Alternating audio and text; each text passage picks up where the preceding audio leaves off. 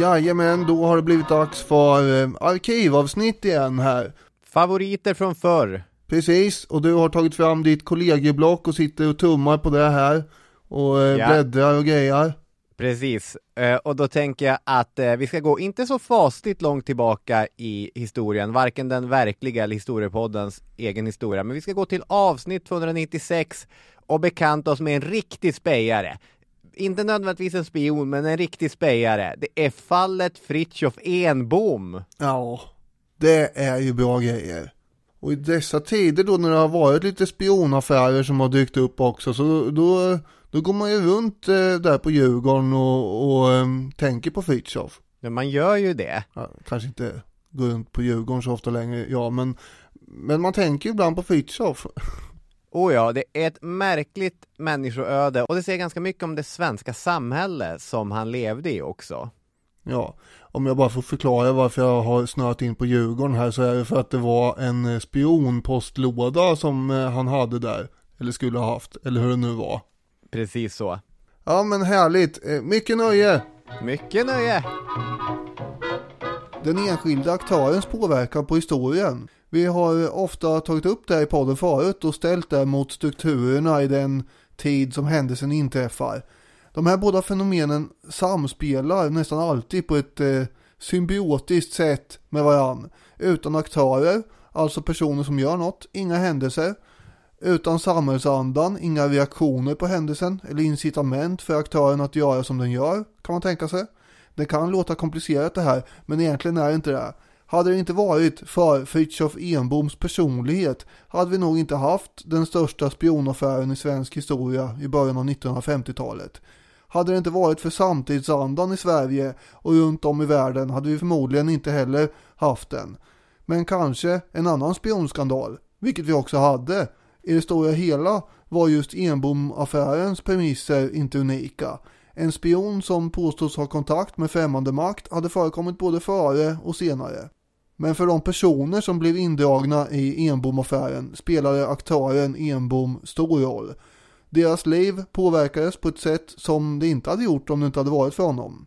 På det sättet spelar aktörerna roll, men utan samtidsandan, stämningen och förväntningarna hade det heller inte slutat så som det gjorde.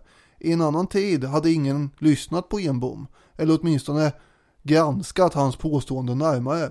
Det vi idag ska ta upp i historiepodden är en av de många affärer och rättsfall under 1950-talet som förgiftade atmosfären under hela decenniet. En åsidosatt, ovårdad och tämligen misslyckad journalists drömmar om att vara viktigare än vad han egentligen var ledde till stor uppståndelse och stor olycka för dem han drog med sig i fallet. Idag pratar vi om Enbom-affären.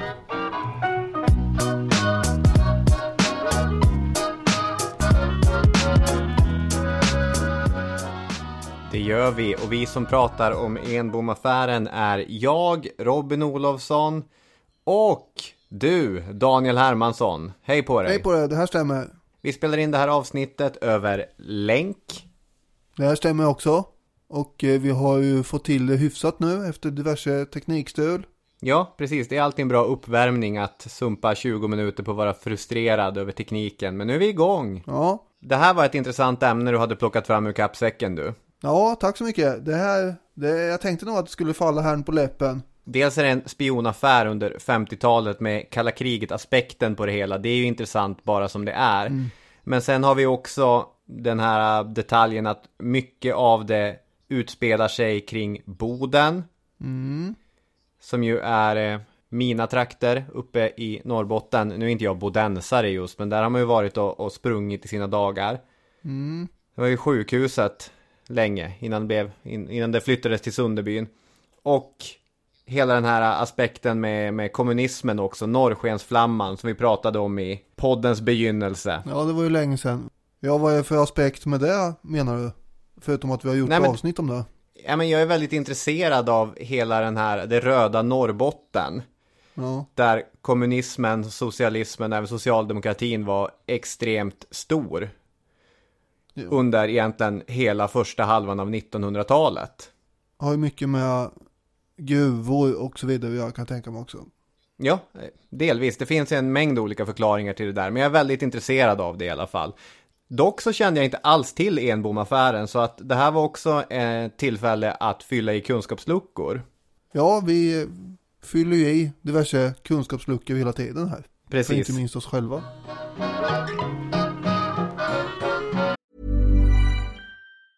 A lot can happen in three years, like a chatbot may be your new best friend. But what won't change? Needing health insurance. United Healthcare Tri Term Medical Plans, underwritten by Golden Rule Insurance Company, offer flexible, budget friendly coverage that lasts nearly three years in some states. Learn more at uh1.com. Wow! Nice! Yeah! What you're hearing are the sounds of people everywhere putting on Bombas socks, underwear, and t shirts made from absurdly soft materials that feel like plush clouds.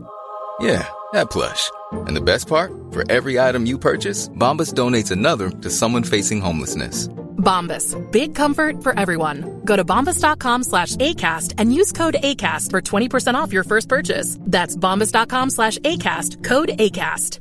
Many of us have those stubborn pounds that seem impossible to lose, no matter how good we eat or how hard we work out. My solution is PlushCare. PlushCare is a leading telehealth provider with doctors who are there for you day and night to partner with you in your weight loss journey. They can prescribe FDA-approved weight loss medications like Wagovi and Zepbound for those who qualify. Plus, they accept most insurance plans. To get started, visit plushcare.com slash weight loss. That's plushcare.com slash weight loss.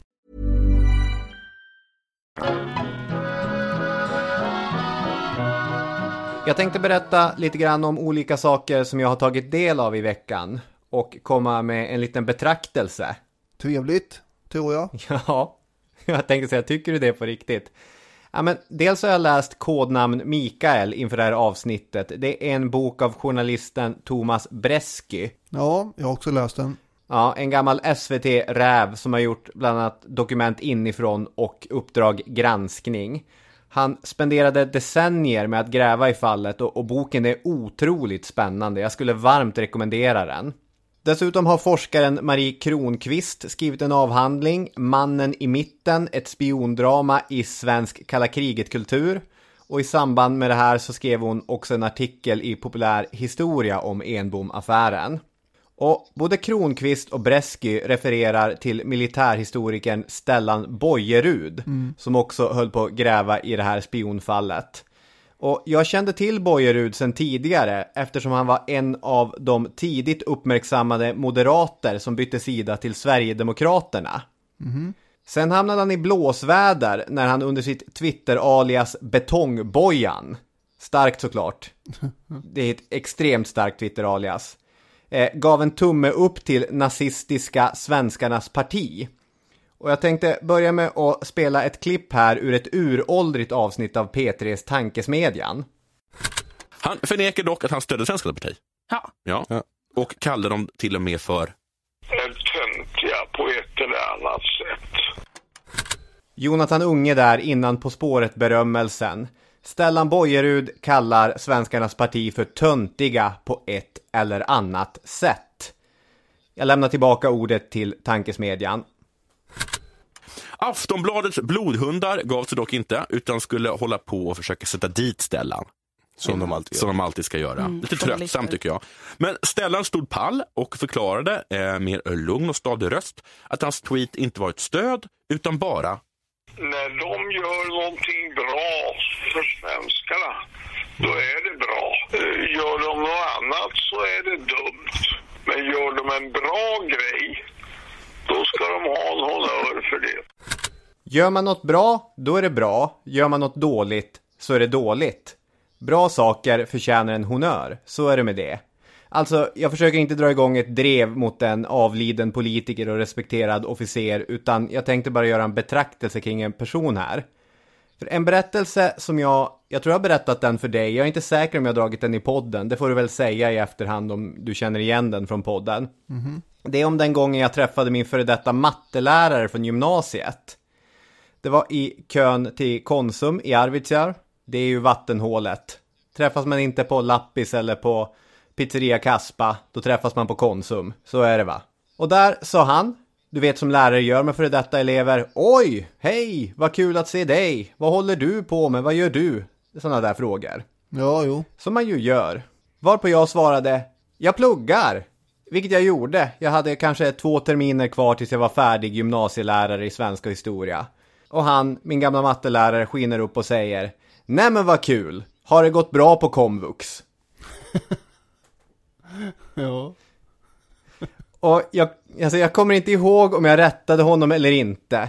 Utan istället så blev det en nyttig läropenning om hur lätt det är att utifrån sina begränsade erfarenheter av en människa tro sig veta allt om en människa. Han hade sett mig, om jag ens var på hans lektioner, sitta och slösa bort timmarna utan att lära mig en enda andra grads ekvation. Ja. Och tänkte, sån är han. Och nu frågar ni, vart är jag på väg med det här? Det har du rätt Jo. i, det frågar vi.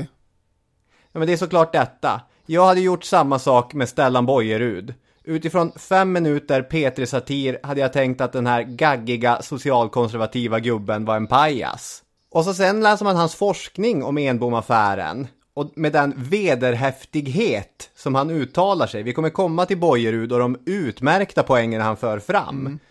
Och då tänker man istället, vilken hedersknyffel.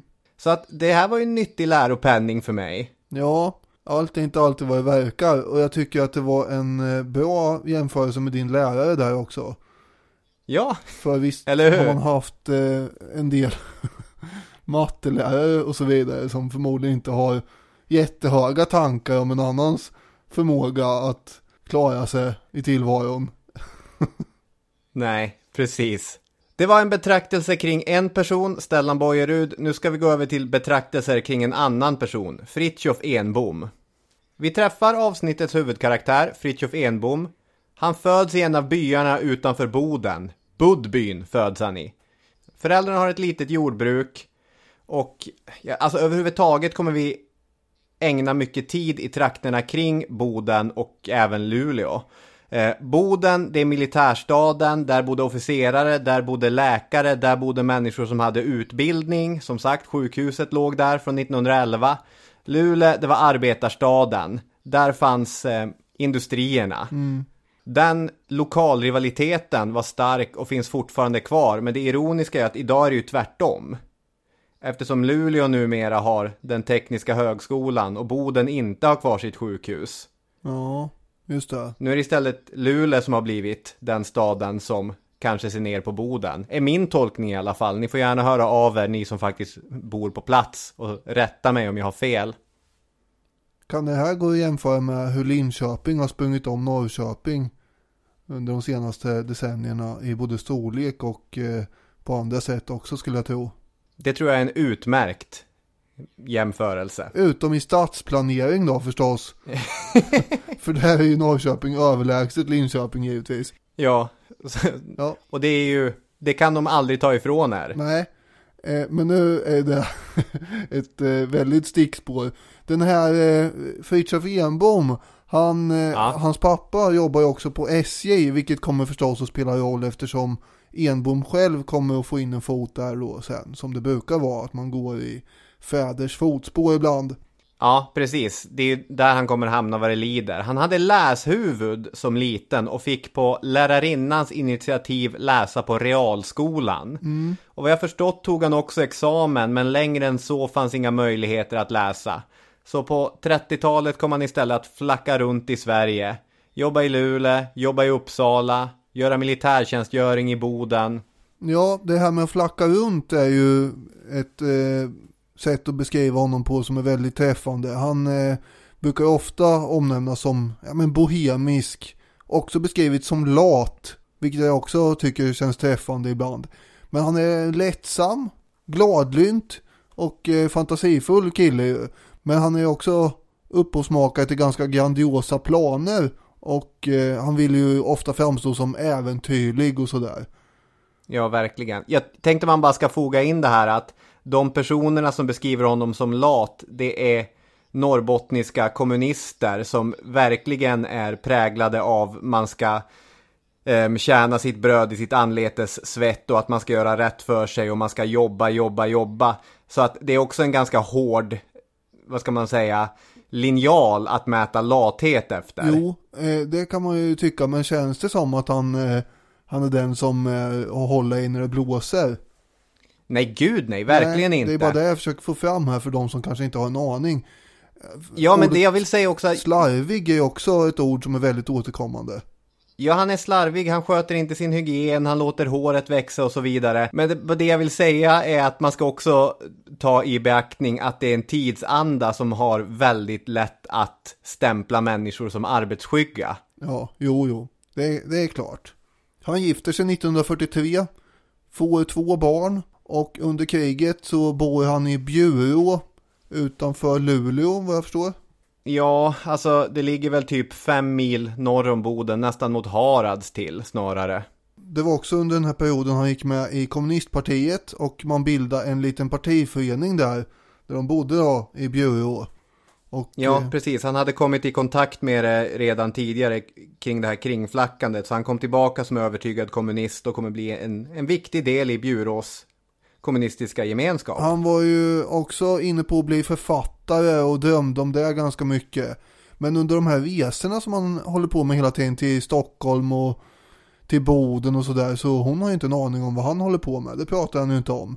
Och eh, Nej. han är konstant pank också och kommer att tillbringa allt mindre tid med familjen hela tiden. Dessutom är han ju otrogen återkommande tillfällen med olika älskarinnor som verkar uppskattat hans charm mer än eh, rena kavajer och så. Mm. Och eh, de här kamraterna i Bjurå då, de eh, tycker att eh, han eh, beter sig ganska oansvarigt mot familjen. Han verkar inte ha varit svår att tycka om för en del, men en del tyckte nog att han eh, borde ta i mer än vad han gjorde i olika sammanhang.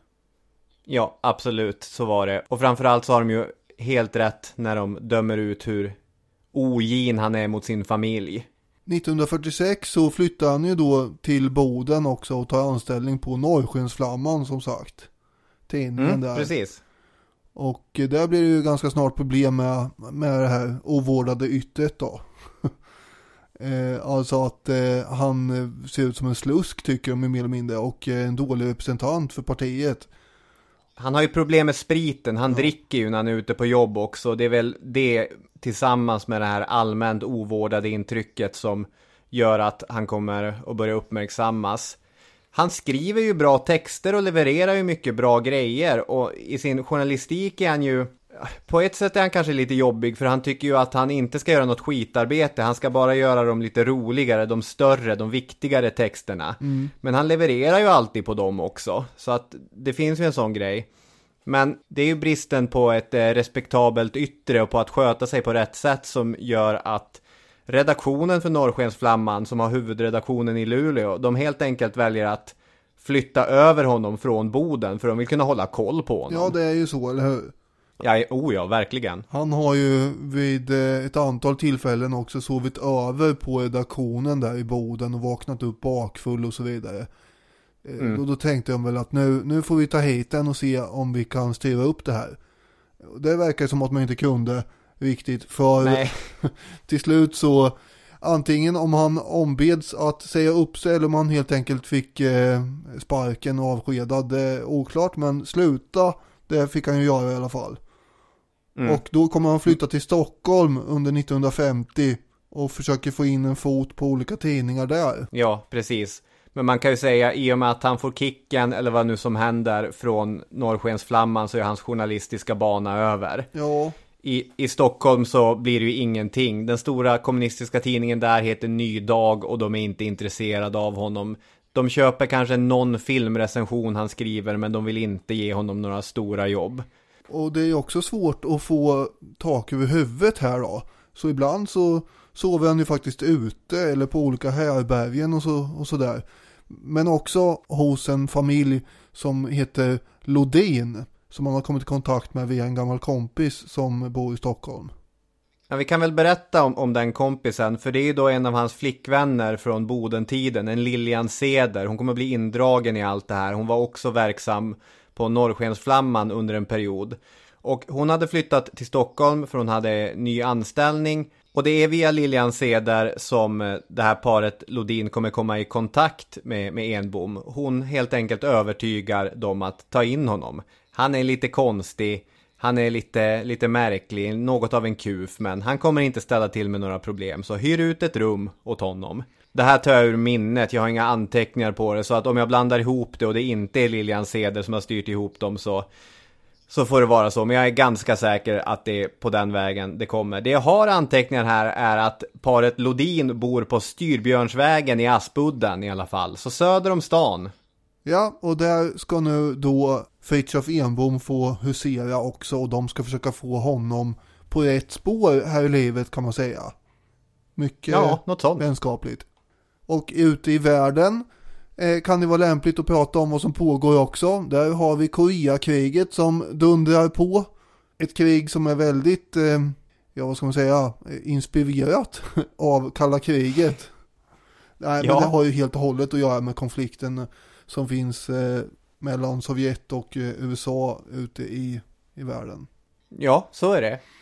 Och vi har också uppe på USA eh, Joseph McCarthy som håller på att jaga kommunister borta i Amerika så mycket som möjligt här nu.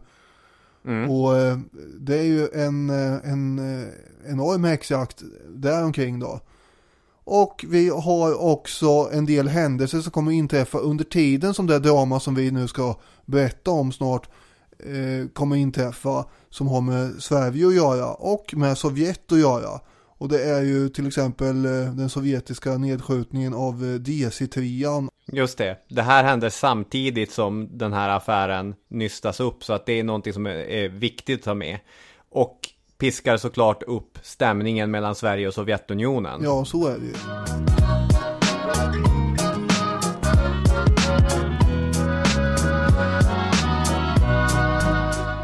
Det finns en ironi att vi placerar Fritjof Enbom just i Aspudden, för bara några hundra meter bort så fanns det en annan spionanklagad man som också bodde i just Aspudden. Ja, eh, ibland eh, buntar de ihop sig höll jag på att säga. Nej men de var ju helt ovetande om varandra och dessutom är det här en annan, en annan slags spion kan man säga som, som faktiskt eh, hade mycket mer insyn i saker och ting än vad Enbom kommer att ha. Det, Vi ska prata om marinspionen, ja, Hilding Andersson. Precis, det är Hilding Andersson. Som då är 42 år gammal, underofficer och maskinist i flottan. Och det här har ju då hänt strax före det här med Enbom. Han har då alltså blivit avslöjad, den här Hilding Andersson. Han hade överlämnat en hel del material till sovjetiska agenter som eh, arbetar på Sovjets ambassad. Bland annat har han ju lämnat över kartor över hamnar det är bestyckning på krigsfartyg. Det är förråd och depåer, vart de finns någonstans. Det är detaljer om tjocklek på befästningar och skyddsrum och sånt. Han hade också varit i Boden och eh, lyckats få tillgång till information om befästningarna där, stridsvagnshinder, artilleripjäser och så vidare. Och Andersson var ju en övertygad kommunist och eh, han hade ju ideologiska motiv för det här. Det var det som framkom sen under rättegången och eh, han hade ju då överlämnat de här dokumenten i en cykelverktygslåda som han och de här agenterna delade på. Och sen cyklade de omkring med den här över stan då och eh, så att säga bytte dokument med varandra. Eh, som för övrigt innehöll osynlig skrift. Det är väldigt mycket så här kalla kriget stämning över det här. Ja, verkligen. Det skulle kunna vara på film detta. Ja, så är det. Men Säpo hade ju kommit honom på spåren och så blev han gripen den 21 september. Försvarsstabschefen konstaterar att eh, hans spioneri var citat det för krigsmakten farligaste som någonsin avslöjats i landet. Och det var ju, han hade ju lämnat ut en hel del eh, liksom detaljer som var mycket problematiska och det blev kostsamt att ändra på de här sakerna och så. Han dömdes till livstids straffarbete Sovjet tappar ju därmed en eh, synnerligen framgångsrik och effektiv spion. Mm. Andersson slä kommer släppas sen i början av 60-talet. Det var först 1991 som han uttalade sig igen i en radiointervju. Och då förklarade han att han alltjämt var kommunist och eh, att han hade gjort det här eftersom Sverige höll på att flörta med NATO. Och om NATO eller USA skulle komma och eh, ockupera Sverige så var det inte mer än rätt att den andra sidan hade information om hur det förelåg här, tänkte han. Så resonerade han. Ja, eh, och med det här i bakgrunden då så är ju samhället på helspänn mot sovjetiska spioner för det här hade ju blivit ganska stort i pressen och så förstås. Eh, och mitt i allt det här då, samma år så ska herr Enbom gå på eh, julmiddag hos familjen Lodin. Ja, det är så. Det är trots allt julafton och mat och dricka står på bordet. Man ska ju säga att paret Lodin tycker, alltså de har ganska mycket ofeeling för sin hyresgäst, men det har inte känts schysst att lämna en ensam och kantstött varelse ensam på, på julafton. Nej, nej bevare mig väl. Så kan man inte göra. Ja, nej, men det, jag tycker det är hyggligt gjort av dem. Ja, verkligen. Sen kunde inte de veta Och- vad det skulle leda till. Nej, så är det ju. Och Fritiof Enbom, han är ganska rund under fötterna. När han ställer ifrån sig flaskan på bordet. Och han börjar lägga ut texten. Ja, det är mycket snaps och öl förstås här och, eh, till köttbullarna och så vidare. Och eh, timmarna går väl och diskussionerna rullar på och till slut så börjar han då prata om ganska, eh, vad ska man säga, fantastiska uppgifter som han Ja. eh, har eh, hållit på med tidigare i sitt liv menar han på. Och eh, det handlar om att han har levererat hemlig information till eh, främmande makt. Ja, så är det ju. Alltså, han börjar väl med att berätta saker som han i och för sig har sagt till andra. Han säger saker som jag var med i spanska inbördeskriget må ni tro. Har en skottskada i handen för att bevisa det. Men sen när han har sagt A, då kan han inte sluta utan att säga B och C och D också. Eh, Och då blir det atombombsritningar från USA, kidnappningshistorier och kuppplaner och mot järnvägsstationer och allt möjligt. Han menar på då att han har varit eh, ledare för en eh, stor spionorganisation som kallas för Grupp Norr. Och hans eget kodnamn var Mikael och, och det låter som rena rama James Bond-rullen det här. Och Lodins, de sitter väl med tallriksstora ögon, mycket förbluffade inför den här osannolika historien. Ja, så är det. Ingen är sugen på lutfisk längre. Nej, precis. Ja, men Jan Lodin, han, han eh, säger att han trodde inte på det här och då blev Enbom arg. Ja, de börjar bråka. Ja. Och nästa dag, då har ju Lodin funderat mer på det här och eh, tänkt, borde man säga något om det här fyllesnacket eh, eller inte? Eh, och då kommer han fram till att det borde jag kanske göra. Och då går han till en socialdemokratisk kommunalpolitiker som han känner.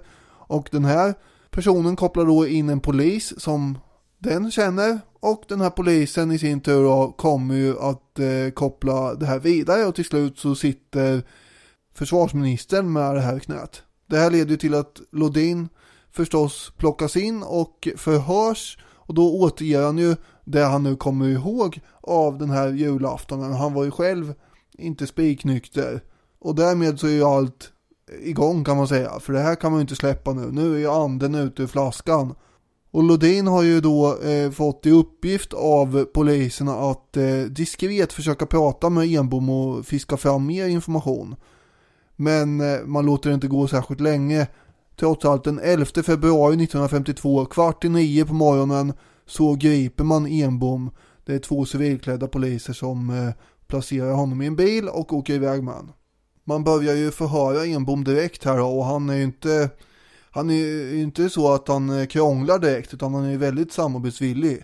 Han är ingen svår nöt att knäcka. Nej, jag tror att han ville, han ville nog eh, öppna upp sig och prata om det här. Nu fick han ju uppmärksamhet och kunde lätta sitt hjärta och folk lyssna på vad han sa.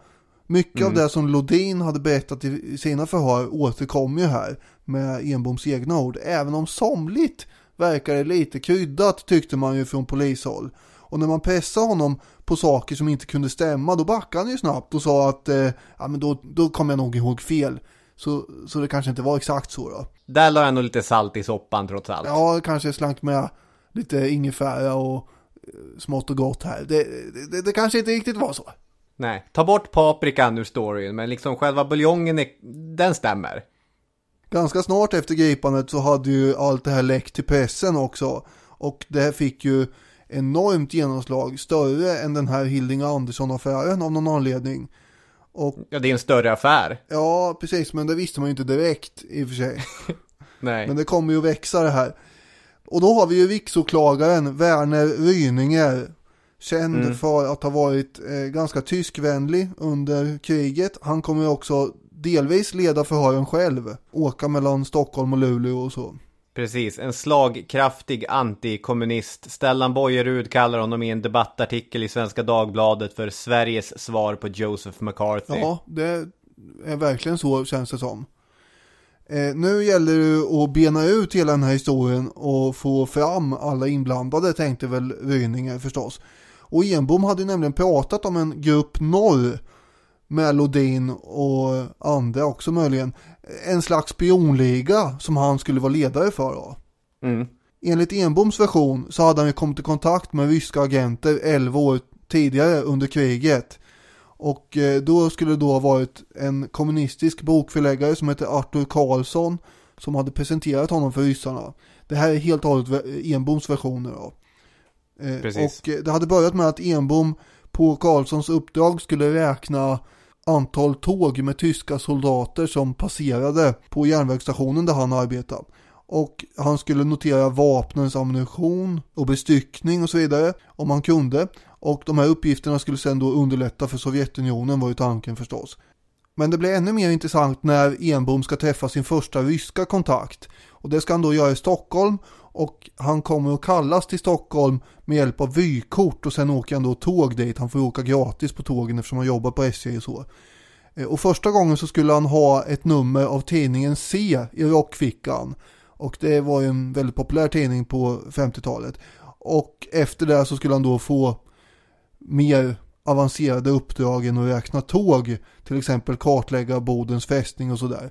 Det finns ju en, ett annat möte också eh, där Karlsson tidigare hade skickat iväg honom för att prata med någon eh, mystisk person som han inte riktigt visste vem det var heller. Och det, Ja, det, det- var ju då innan han träffade den här ryssen. För det är ju det bästa i hela den här storyn och det är så typiskt, typiskt agentberättelse. Att det ska ske ett möte på en tågplattform och då ska den första personen, jag antar att det är Enbom, gå fram och ställa frågan Är ni köpare av en reservoarpenna? Ja, men det kan ju inte vara Enbom för han kan ju inte springa runt och fråga folk som man inte vet hur de ser ut. Ja men okej, säg då att liksom det, det är den ryska kontaktmannen som går fram och frågar Är ni köpare av en reservoarpenna? Nej, men jag behöver ett nytt stift i min. Vilket märke? Pelikan 3. Och där va, då är kontakten upprättad. Ja, då har man haft eh, ett antal säkerhetsfrågor. Det är väldigt osannolikt att, att det skulle stämma. Vilket märke? Pelikan 5. Men fan, det var inte han. Nej, det, det var synd. Jag tänkte på det här också, för det är en sak som ofta skrivs om Enbom-affären, att det är precis som en James Bond-historia. Men det är inte riktigt som de flesta James Bond-historier jag kommer ihåg. Nej, Det är inte så mycket så här, någon rysk galning som ska bygga en raket och, eller stjäla guldmyntsfoten eller någonting. Nej, Utan det är ganska vardagligt på ett sätt som inte alla Bond-filmer är. nej, så är det ju. Men vardagen är ju mer vardaglig än Bondfilmer också. Men sådana här inslag med de här replikskiftena och tidningar i rockfickan och sånt. Det är ändå lite James Bondigt. Ja, det är väldigt John Le Carre i alla fall, den här eh, spionförfattaren som fortfarande is going strong. Tinker Tailor, Soldier Spy och så Ja, vidare. ja, just det.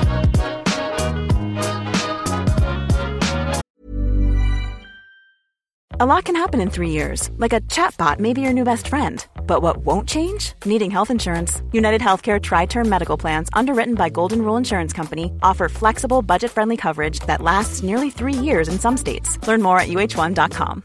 Hey, I'm Ryan Reynolds. At Mint Mobile, we like to do the opposite of what Big Wireless does. They charge you a lot, we charge you a little. So naturally, when they announced they'd be raising their prices due to inflation, we decided to deflate our prices due to not hating you. That's right. We're cutting the price of Mint Unlimited from $30 a month to just $15 a month. Give it a try at mintmobile.com slash switch. $45 upfront for three months plus taxes and fees. Promo rate for new customers for limited time. Unlimited more than 40 gigabytes per month. Slows. Full terms at mintmobile.com.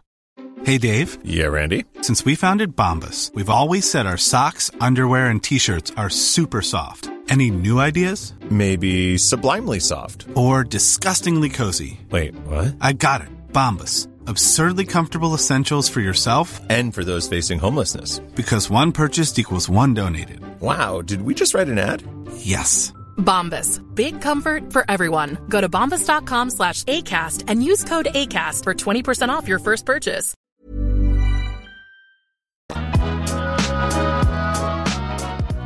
Enbom hade ju också ibland, som du var inne på, pratat om spanska inbördeskriget. Ja, det var inte många snaps in innan han började berätta minnen från Spanien. Nej, det gjorde han ofta och gärna med alla möjliga människor faktiskt. Eh, till sin fru hade han ju sagt att han hade blivit skottskadad i handen och visat upp sår och sådär. Och det här dök upp i de här förhören igen då förstås. Eh, Bresky skrev så här.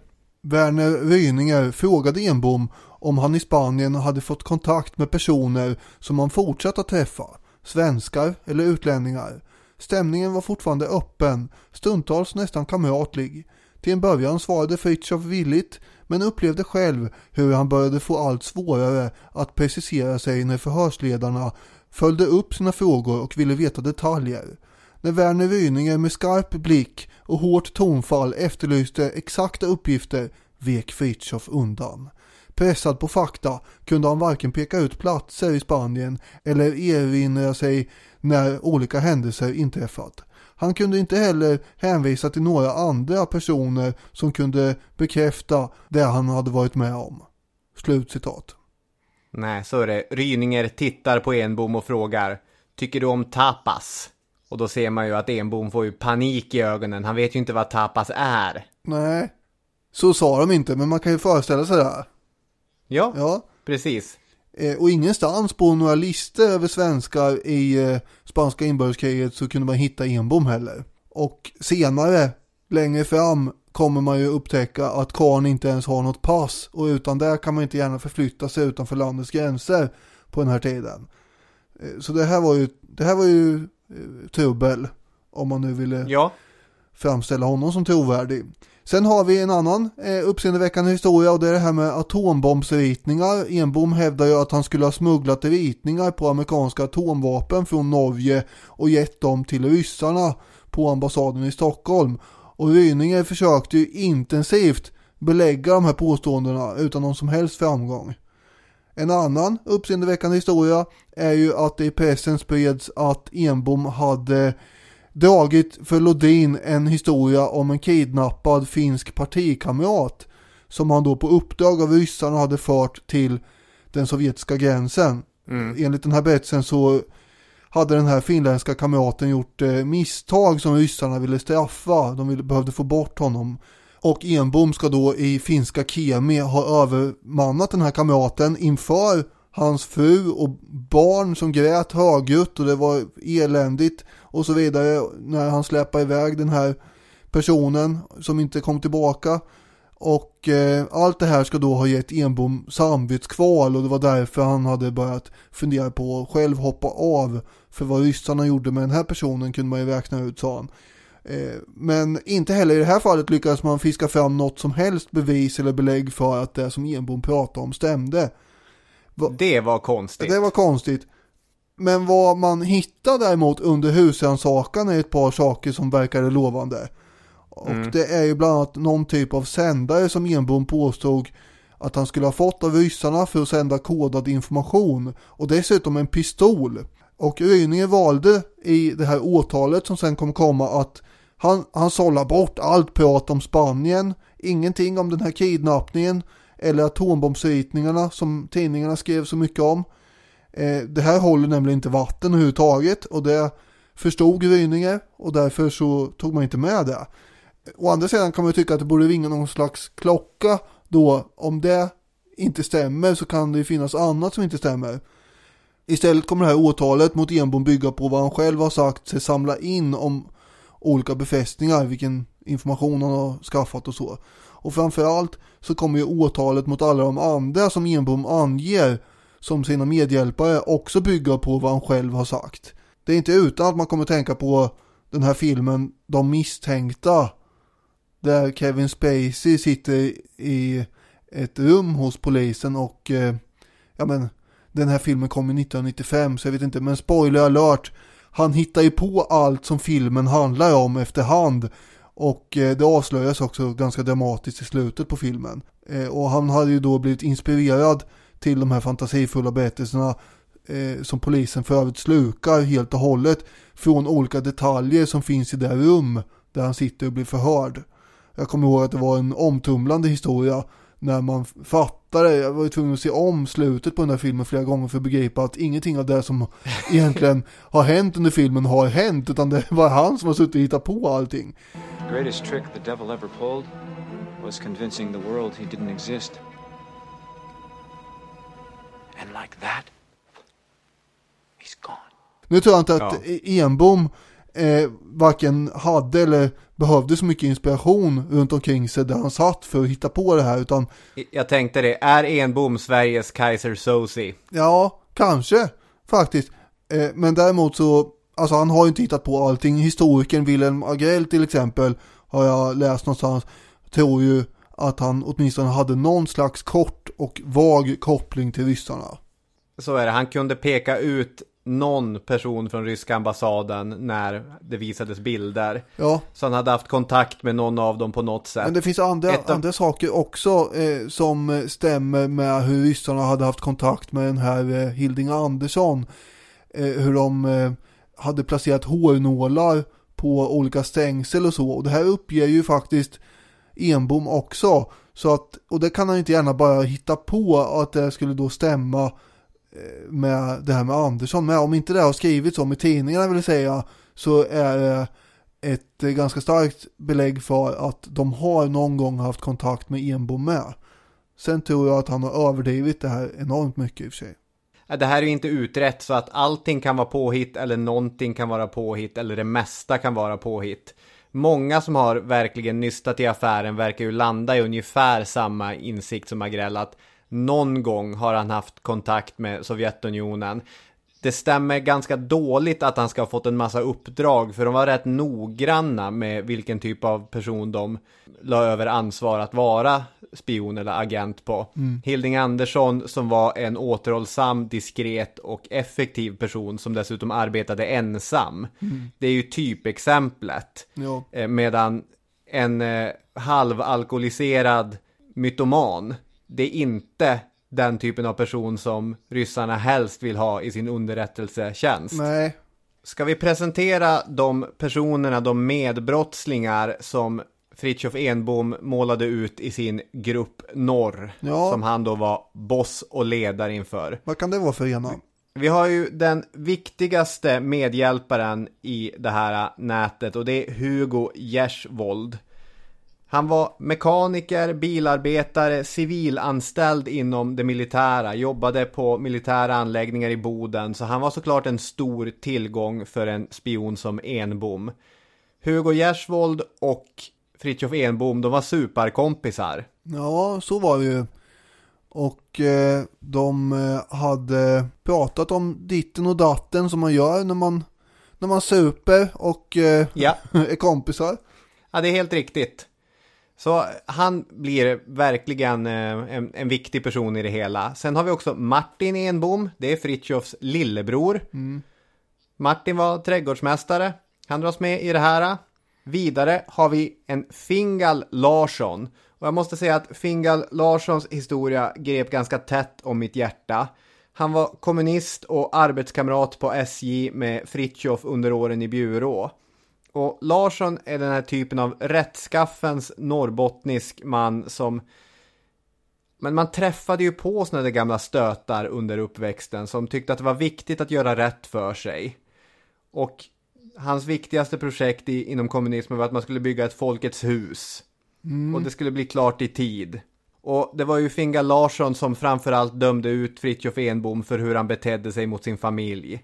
Och det var han som var på honom om att du måste klippa dig. Ja. Och du måste ju klä dig och du får ju tänka på hur du beter dig när du representerar oss. Och alla vittnen som Thomas Breski och som andra har intervjuat med, de som kände de här personerna, när Fingal Larsson drogs med i ärendet, det var ju då som folk började höja på ögonbrynen Mm. och tänkte, nej, inte Fingal. Det måste vara någonting, någonting konstigt där. Det som gjorde att han drogs med i ärendet var ju att han hade hittat den här sändaren. Ja. som du nämnde tidigare. Det var ju så att Fritjof Enbom hade haft den där i ett förråd och då hade Fingal Larsson sett den. Och så sen hade han frågat Fritjof om han fick köpa sändaren. Han hade två stycken söner, Fingal Larsson, som tyckte mycket om elektronik. Mm. Och det var väl tunnsått med elektronik där i, i Bjurå på Ja, 40-talet. Det var väl det och därför så tänkte han att det här skulle bli en glad överraskning till grabbarna.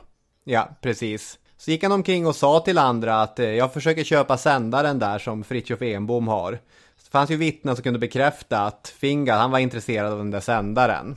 Ja, det är en sån här detalj som tyvärr kommer ligga honom i fatet.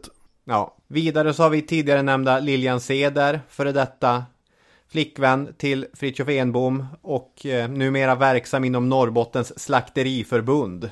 Och då tänker man ju direkt, vad skulle hon kunna bidra med? Men det lyckas då Ryninger reda ut att det, det finns minsann mycket här.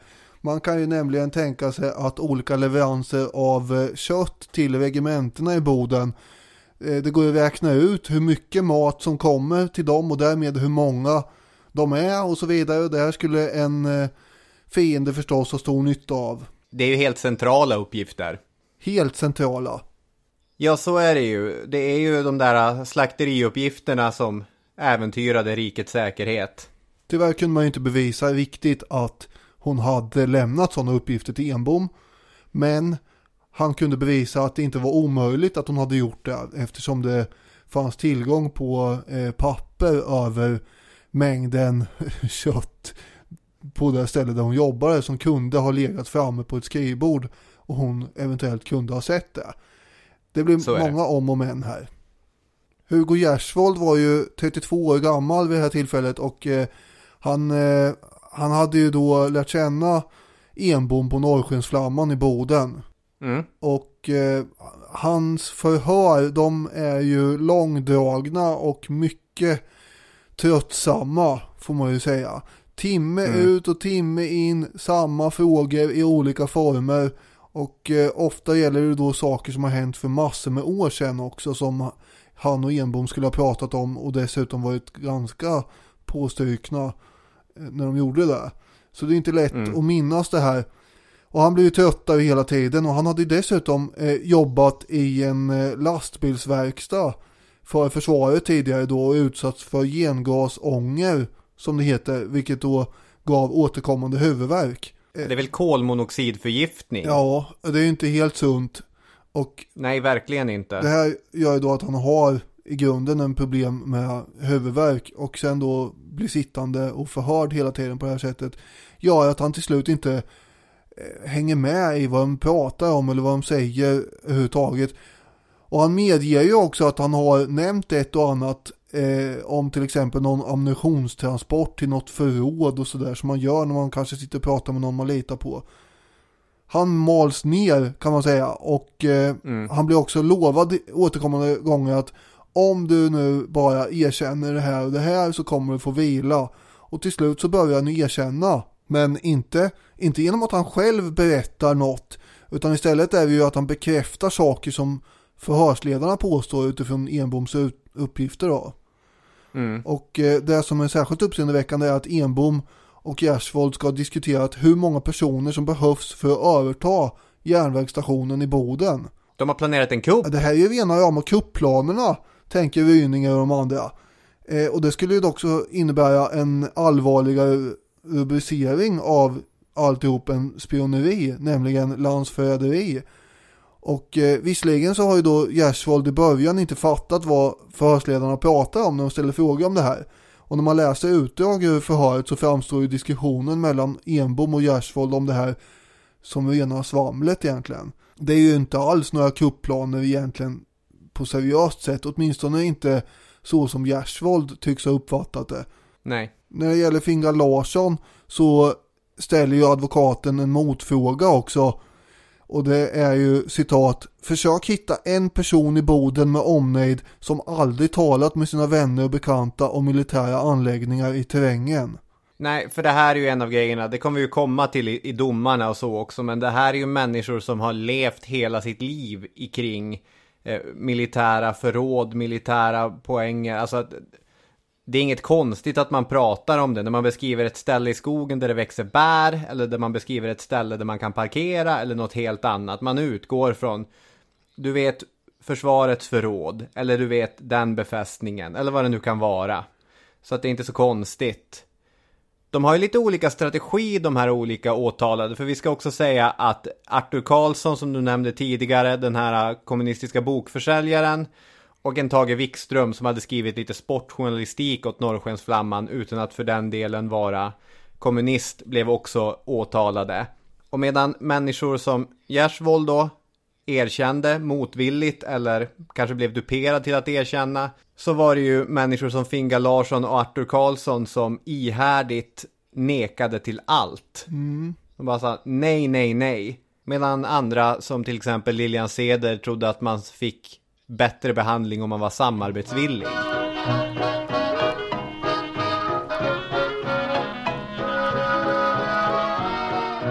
Rättegången mot de här personerna kommer börja den 16 juni, tror jag det är, 1952. Mm, precis. Och eh, redan första dagen så kommer åtalet mot den här Tage Wikström som då var kontorist på fortifikationsförvaltningen i Boden mer eller mindre att eh, ja, men det kommer ju släppas. Ja, så är det. Eftersom det inte finns några bevis eh, kräver advokaten att eh, man ska släppa honom. Och det visar sig att han snarare var en ganska harmlös eh, folkpartist än eh, kommunist. Och eh, Ryninger då, som är riksåklagaren, han protesterar förstås mot det här men ändå så kommer åtalet att eh, ogillas och han blir släppt då. Och eh, det här åtalet mot alla de andra bygger också på Enboms egna uppgifter men det verkar man inte ha reflekterat över att det är samma sak som gäller dem som gäller Wikström då i så fall. Nej, men visst finns det en skillnad mellan Wikström och de andra åtalade? Jaha. Ja, men det är väl det att alla andra är öppna kommunister. Ja, jo. Ja, men det är det som är skillnaden.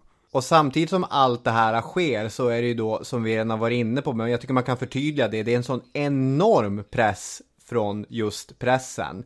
Och det är från alla håll. Dels är det de borgerliga tidningarna, det är ju helt självklart och naturligt. Jag menar, kommunismen är ju deras arvsfiende, så att de skriver om allt det här och de skriver om det som Ryninger berättar och de skriver om det som, som andra med mer eller mindre vag insyn i det hela berättar också. Men vi har också den socialdemokratiska pressen som eh, av eh, ideologiska skäl, där har man ju sin, sina avfällningar till småbröder i kommunisterna som man verkligen vill distansera sig mot och som man bedriver opinion mot. Så de socialdemokratiska tidningarna är också stenhårda Mm. mot de här åtalade spionerna.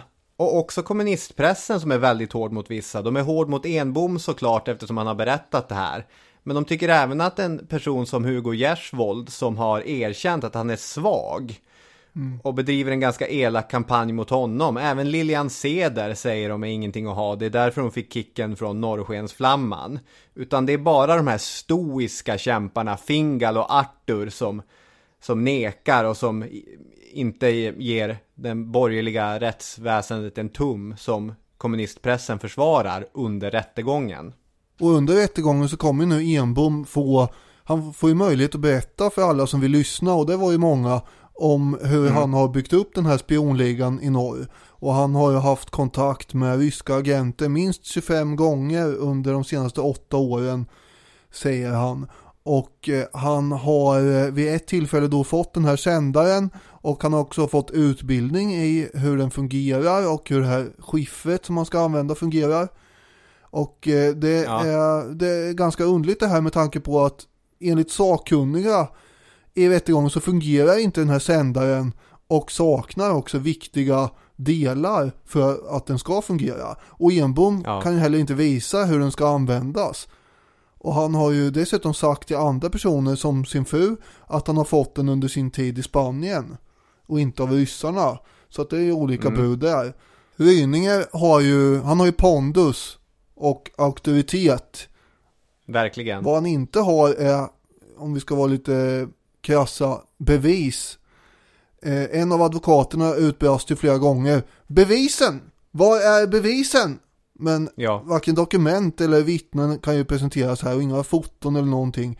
Det enda man har egentligen det är en pratglad person som av någon anledning sätts väldigt stor tilltro till. Och eh, anledningen till att man sätter sån här stor tilltro till de här berättelserna som Enbom kommer med. Det är väl att det finns ett samhällsklimat som, eh, som eh, går åt det här hållet. Jag menar, nyss har en annan spion fällts. Vi har det som pågår i USA med McCarthy och så har vi DC-3 och allt det här. De här, den tekniska bevisningen är ju den här sändaren, den här pistolen. Han har lyckats hitta någon slags eh, brevlåda ute på Djurgården i ett stenröse som han säger att det är här som jag lämnar och tar emot meddelanden. Ja. Och dessutom så har han en bok som han säger det här är boken vi använder för skiffret. Men det är ju bara en bok. Alltså den här terrängbrevlådan som är då i en gärdsgård långt ute på Djurgården.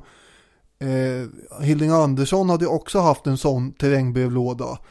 Eh, mm. så, så, det stämmer på det sättet att det, så verkar ryssarna ha agerat.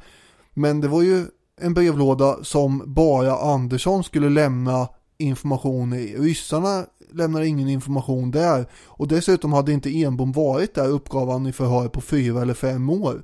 Men när man vallar mm. runt honom på Djurgården vid de här gärdsgårdarna så hittar man ju en nyinslagen julklapp med snören och allt. Och i paketen ja. så finns då tusen kronor och det här var ett väldigt märkligt fynd egentligen eftersom ryssarna inte någonsin skulle ha använt den här. Och varför skulle de gå dit och lämna någonting nu? Fem år senare. det var besynnerligt. Ja, det var mycket, mycket besynnerligt, verkligen. Men som du säger, det är ju den här ideologiska bakgrunden som gör allt det här möjligt. Det blir ju väldigt tydligt i Ryningers slutplädering som här är plockad från Thomas Breskis bok.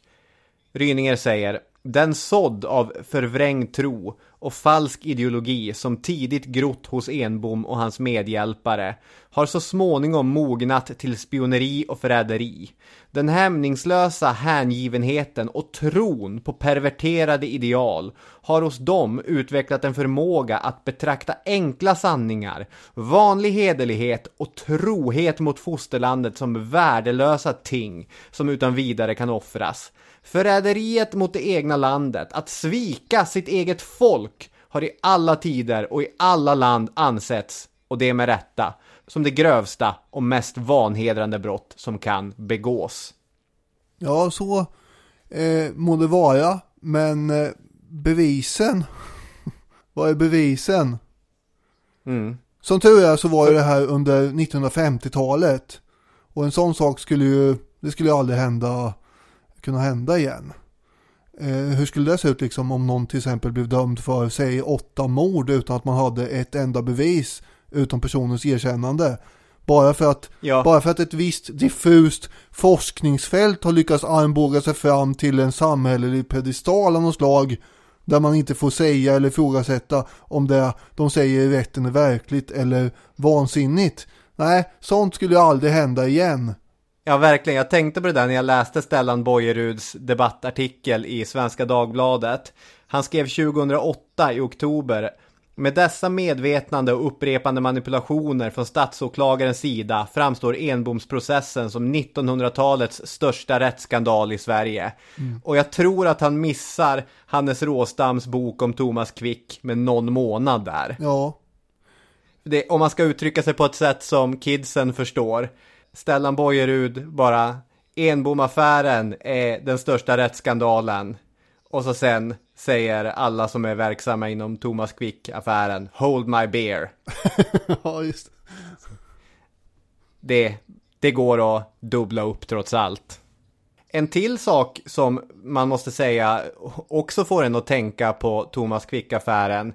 Det är ju försvarets roll i det hela. Ja, För det är också fascinerande. Men jag tycker de verkar ha varit eh, aningen mer aktiva här ändå.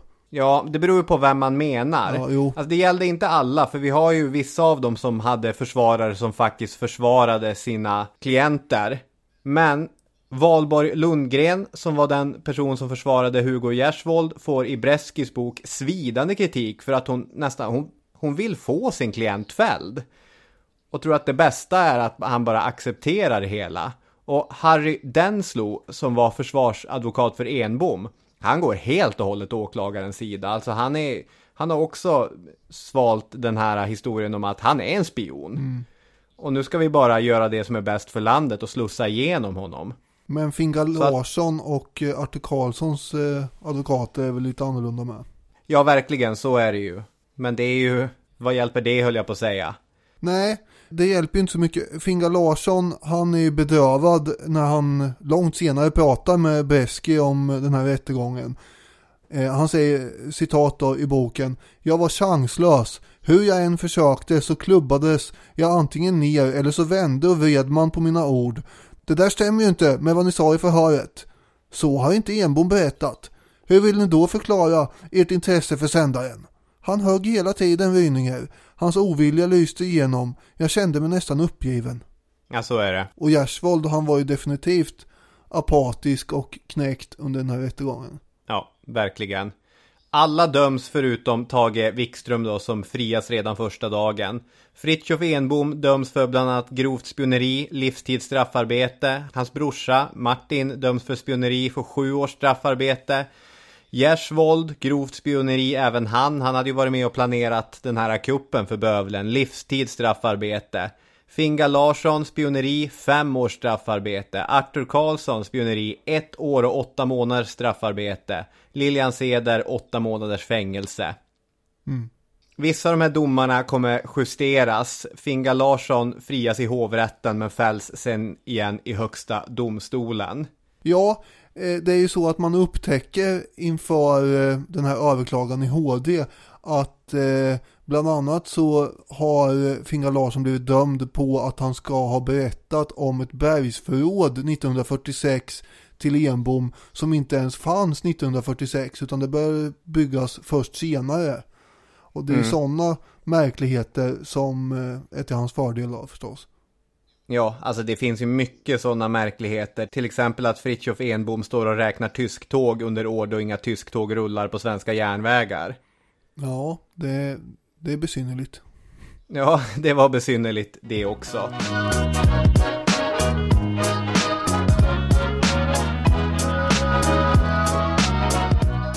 Det man ska säga då är att den här affären slutar ju inte där 1952 eller året efter när den här första vågen av överklagan går utan den kommer ju rulla på och rulla på. Och på 1970-talet börjar verkligen hela den här affären ifrågasättas. Det beror på en mängd olika anledningar. Ett nytt intresse för affären efter en dramatisering där en ung Helge Skog spelar den sluge Fritjof Enbom. Jaha, det här, Det gick hem i stugorna. det här har jag missat. Ja, nej så var det. Eh, Den serien kommer precis före man börjar omvärdera den här händelsen så att där framgår Enbom precis som den sluga spion han var. Men det, det var många som såg den. På något sätt känns det som att Helge Skog eh, passar som Enbom här. Ja, jag tycker att det är jättebra casting, Ja. verkligen. Professor Arne Trankell, psykolog och professor i pedagogik. Trankell, var det inte han som gjorde betydande insatser inom fältet vittnespsykologi? Ehm, Jag har läst om honom på NE. Jaha, ja, jo, var det inte han? Ja, det var det. Jaså? Helt Ja, riktigt. väl det. Men i det här fallet är han relevant eftersom han 1974 kom ut med boken Chef för Grupp Norr. Mm. Det Trankell gör i sin bok är att starkt ifrågasätta Fritjof Enboms trovärdighet som vittne. Trankell menar att han uppvisade tydliga tecken på att vara mytoman. Den här forskningen hade Trankell baserat på att läsa förhören, för han fick nämligen inte träffa Enbom. Nej. Under inga som helst omständigheter skulle det få ske. Så ja, ja, då får han väl gå till rättsmaterialet från själva processerna. Och den här studien som resulterade i boken, det var ett resultat av den resningsansökan för Hugo Gersvold, Arthur Karlsson och Fingal Larsson som Norrskensflamman hade skramlat ihop till. Nu hade man tagit tillbaka Gersvold. Nu var han tillbaka på den rätta sidan om man ville, vilket det är ju helt rimligt också, man ville få resning för de här felaktigt dömda herrarna. Henning Sjöström var den advokat som tagit sig an målet. Han var en av sin tids mest kända advokater. Inte minst var han bekant eftersom han hade agerat som juridiskt ombud för de här skadeståndsfallen efter neurosedynkatastrofen. Mhm. De flesta känner säkert redan till det, men alltså Neurosedyn var en lugnande medicin som skrevs ut till bland annat ett flertal gravida kvinnor, trots att det i efterhand skulle visa sig ha en fosterskadande effekt. Just det. Så han var väldigt i ropet då. Men den här resningen, han förlorade sin resning och alla försök att få Enboms kumpaner, kumpaner inom citattecken där, frikända har mött samma öde. Flera av de mest allvarliga punkterna, som att vittnet på vilket alla domarna vilade inte alls var pålitligt, det var känt redan i mitten av 1970-talet. Men det har tillkommit andra frågetecken sedan dess. Det som Stellan Bojerud har skrivit om handlar om hur Werner Ryninger medvetet duperade rätten till att övervärdera hur allvarlig den information som Enbom kanske eller kanske inte hade skickat vidare till sina sovjetiska kontaktpersoner. Alltså alldeles oavsett om han var en spion på riktigt eller inte så menar här Bojerud att Ryninger ljuger eller manipulerar kring hur man ska tolka den informationen Mm. som Enbom då ska ha samlat ihop. Några sådana grejer som Betongbojan har lyft är Ryningers påståenden om att informationen om olika befästningar i Norrbotten var hemlig, trots att alla visste precis allt om var de fanns. De bodde ju mitt omkring dem. Försvarsstaben hade skrivit saker som citat uppgifterna är icke av allvarligare art. Eller citat det är lönlöst att söka hemlighålla sånt som allmänheten kan se med egna ögon. Slutcitat. Den informationen skulle alltså på riktigt, menar Ryninger, hota Sveriges säkerhet. Det var också ibland fråga om information som försvaret själva hade publicerat i tidskrifter eller i olika publikationer. Till exempel var ju Gersvold i ett inom fallet berömt exempel rita hur någonting på en fästning ser ut. Mm. Det, det kan vara någon kanonlucka, jag kommer inte ihåg vad det är, men han får rita någonting. Och då är det ett bevis på att han har lämnat ut livsviktig information. Men precis den grejen finns publicerad i fackpress. Ja. Så en ryss med tillgång till ett svenskt bibliotek hade kunnat gräva upp det på helt egen art. Men Ryninger säger att den uppgiften är av synnerligen vikt, en allvarlig fara för rikets säkerhet. Men det handlar även om rena ljug, som att Finga Larsson skulle ha berättat för Enbom om planer på att bygga befästningar längs med Råne älv. Information som, skriver Bojerud, en banarbetare på SJ omöjligt kunde ha. Och det är ju väldigt svårt att försvara sig mot sånt. Ja. Det är även intressant i Breskys bok när han under den här perioden då efter att muren faller och Sovjetunionen blir Ryssland och man börjar öppna arkiven och det är några år när man är lite mer mottaglig för att lämna ut information. Då får han ju åka ner till Moskva och intervjua några personer som var med på den tiden. Mm. Och de säger ju öppet att Enbom var ingen spion. Vi har ingenting i våra arkiv som pekar på det. Och dessutom så säger de att det är deras bedömningar som yrkesmän att Enbom skulle inte ha valts ut av den sovjetiska ledningen. Nej, det, det låter ju som en ganska omdömeslös eh, rekrytering i så fall. Och Ja, det tror jag verkligen. inte att de skulle hålla på med egentligen. Men, men det finns ju återigen vissa detaljer som, som pekar mot att men det är klart han kan ju ha gissat sig till saker och ting.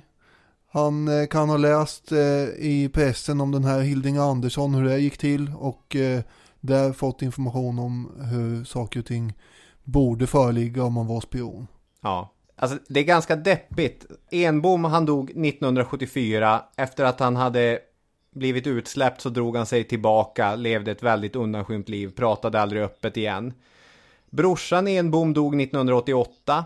Arthur Karlsson dog 1976 efter att ha lämnat Sverige för DDR. Han stack efter att det här äh, resningsansökan eh, sköts ner. Då kändes det som mer hoppingivande att bo i Östtyskland än i Sverige. Där undrar man ju hur det blev, men skitsamma. Finga Larsson, han dog 1992. Hugo Gersvold dog 2002 och Lilian Seder dog 2003. Bresky blev under åren god vän med både Finga Larsson och Hugo Gersvold. Båda levde långa liv som fläckades av de här domarna. De ältade dem och de brann för att få upprättelse. Finga Larsson, att han på livstid blev av med sin anställning på SJ. Det var en skam. Det Ja, jobbet var hans stolthet. Det var ju väldigt hårt för honom ja. Han satte ju stor eh, stolthet som sagt i att jobba för SJ och eh, hans pappa hade gjort det och allt det här och tyckte att det var Det var väldigt viktigt, så det slog ju hårt mot honom. Ja. Stellan Bojerud skriver så här. Svenskt rättsväsende hade vid flera tillfällen mellan 1953 och 2005 Um, nu tror jag det här är skrivet 2008. Är det 2011 som sista avklagan avslås? Ja, vad jag eh, har läst så eh, försökte ju Fingal Larssons barn också få resning 2011 men det blev också avslaget. Okej. Okay.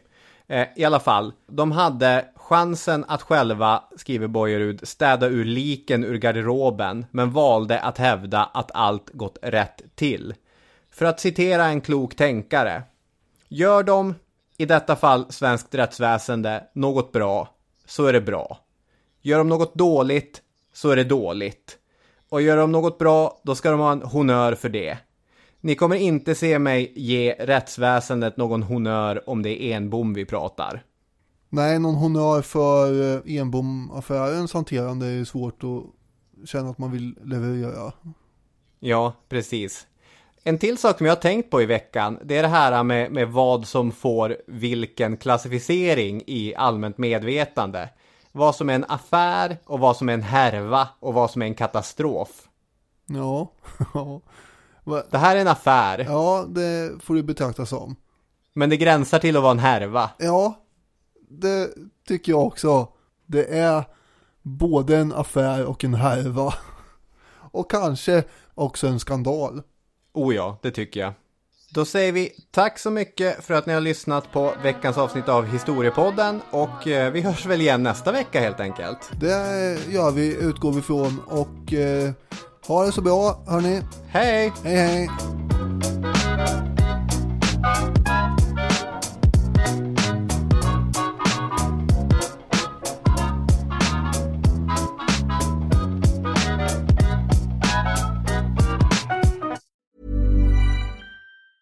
Even when we're on a budget, we still deserve nice things. Quince is a place to scoop up stunning high-end goods for 50 to 80% less than similar brands. They have buttery soft cashmere sweaters starting at $50, luxurious Italian leather bags, and so much more. Plus, Quince only works with factories that use safe, ethical, and responsible manufacturing. Get the high-end goods you'll love without the high price tag with Quince. Go to quince.com/style for free shipping and 365-day returns.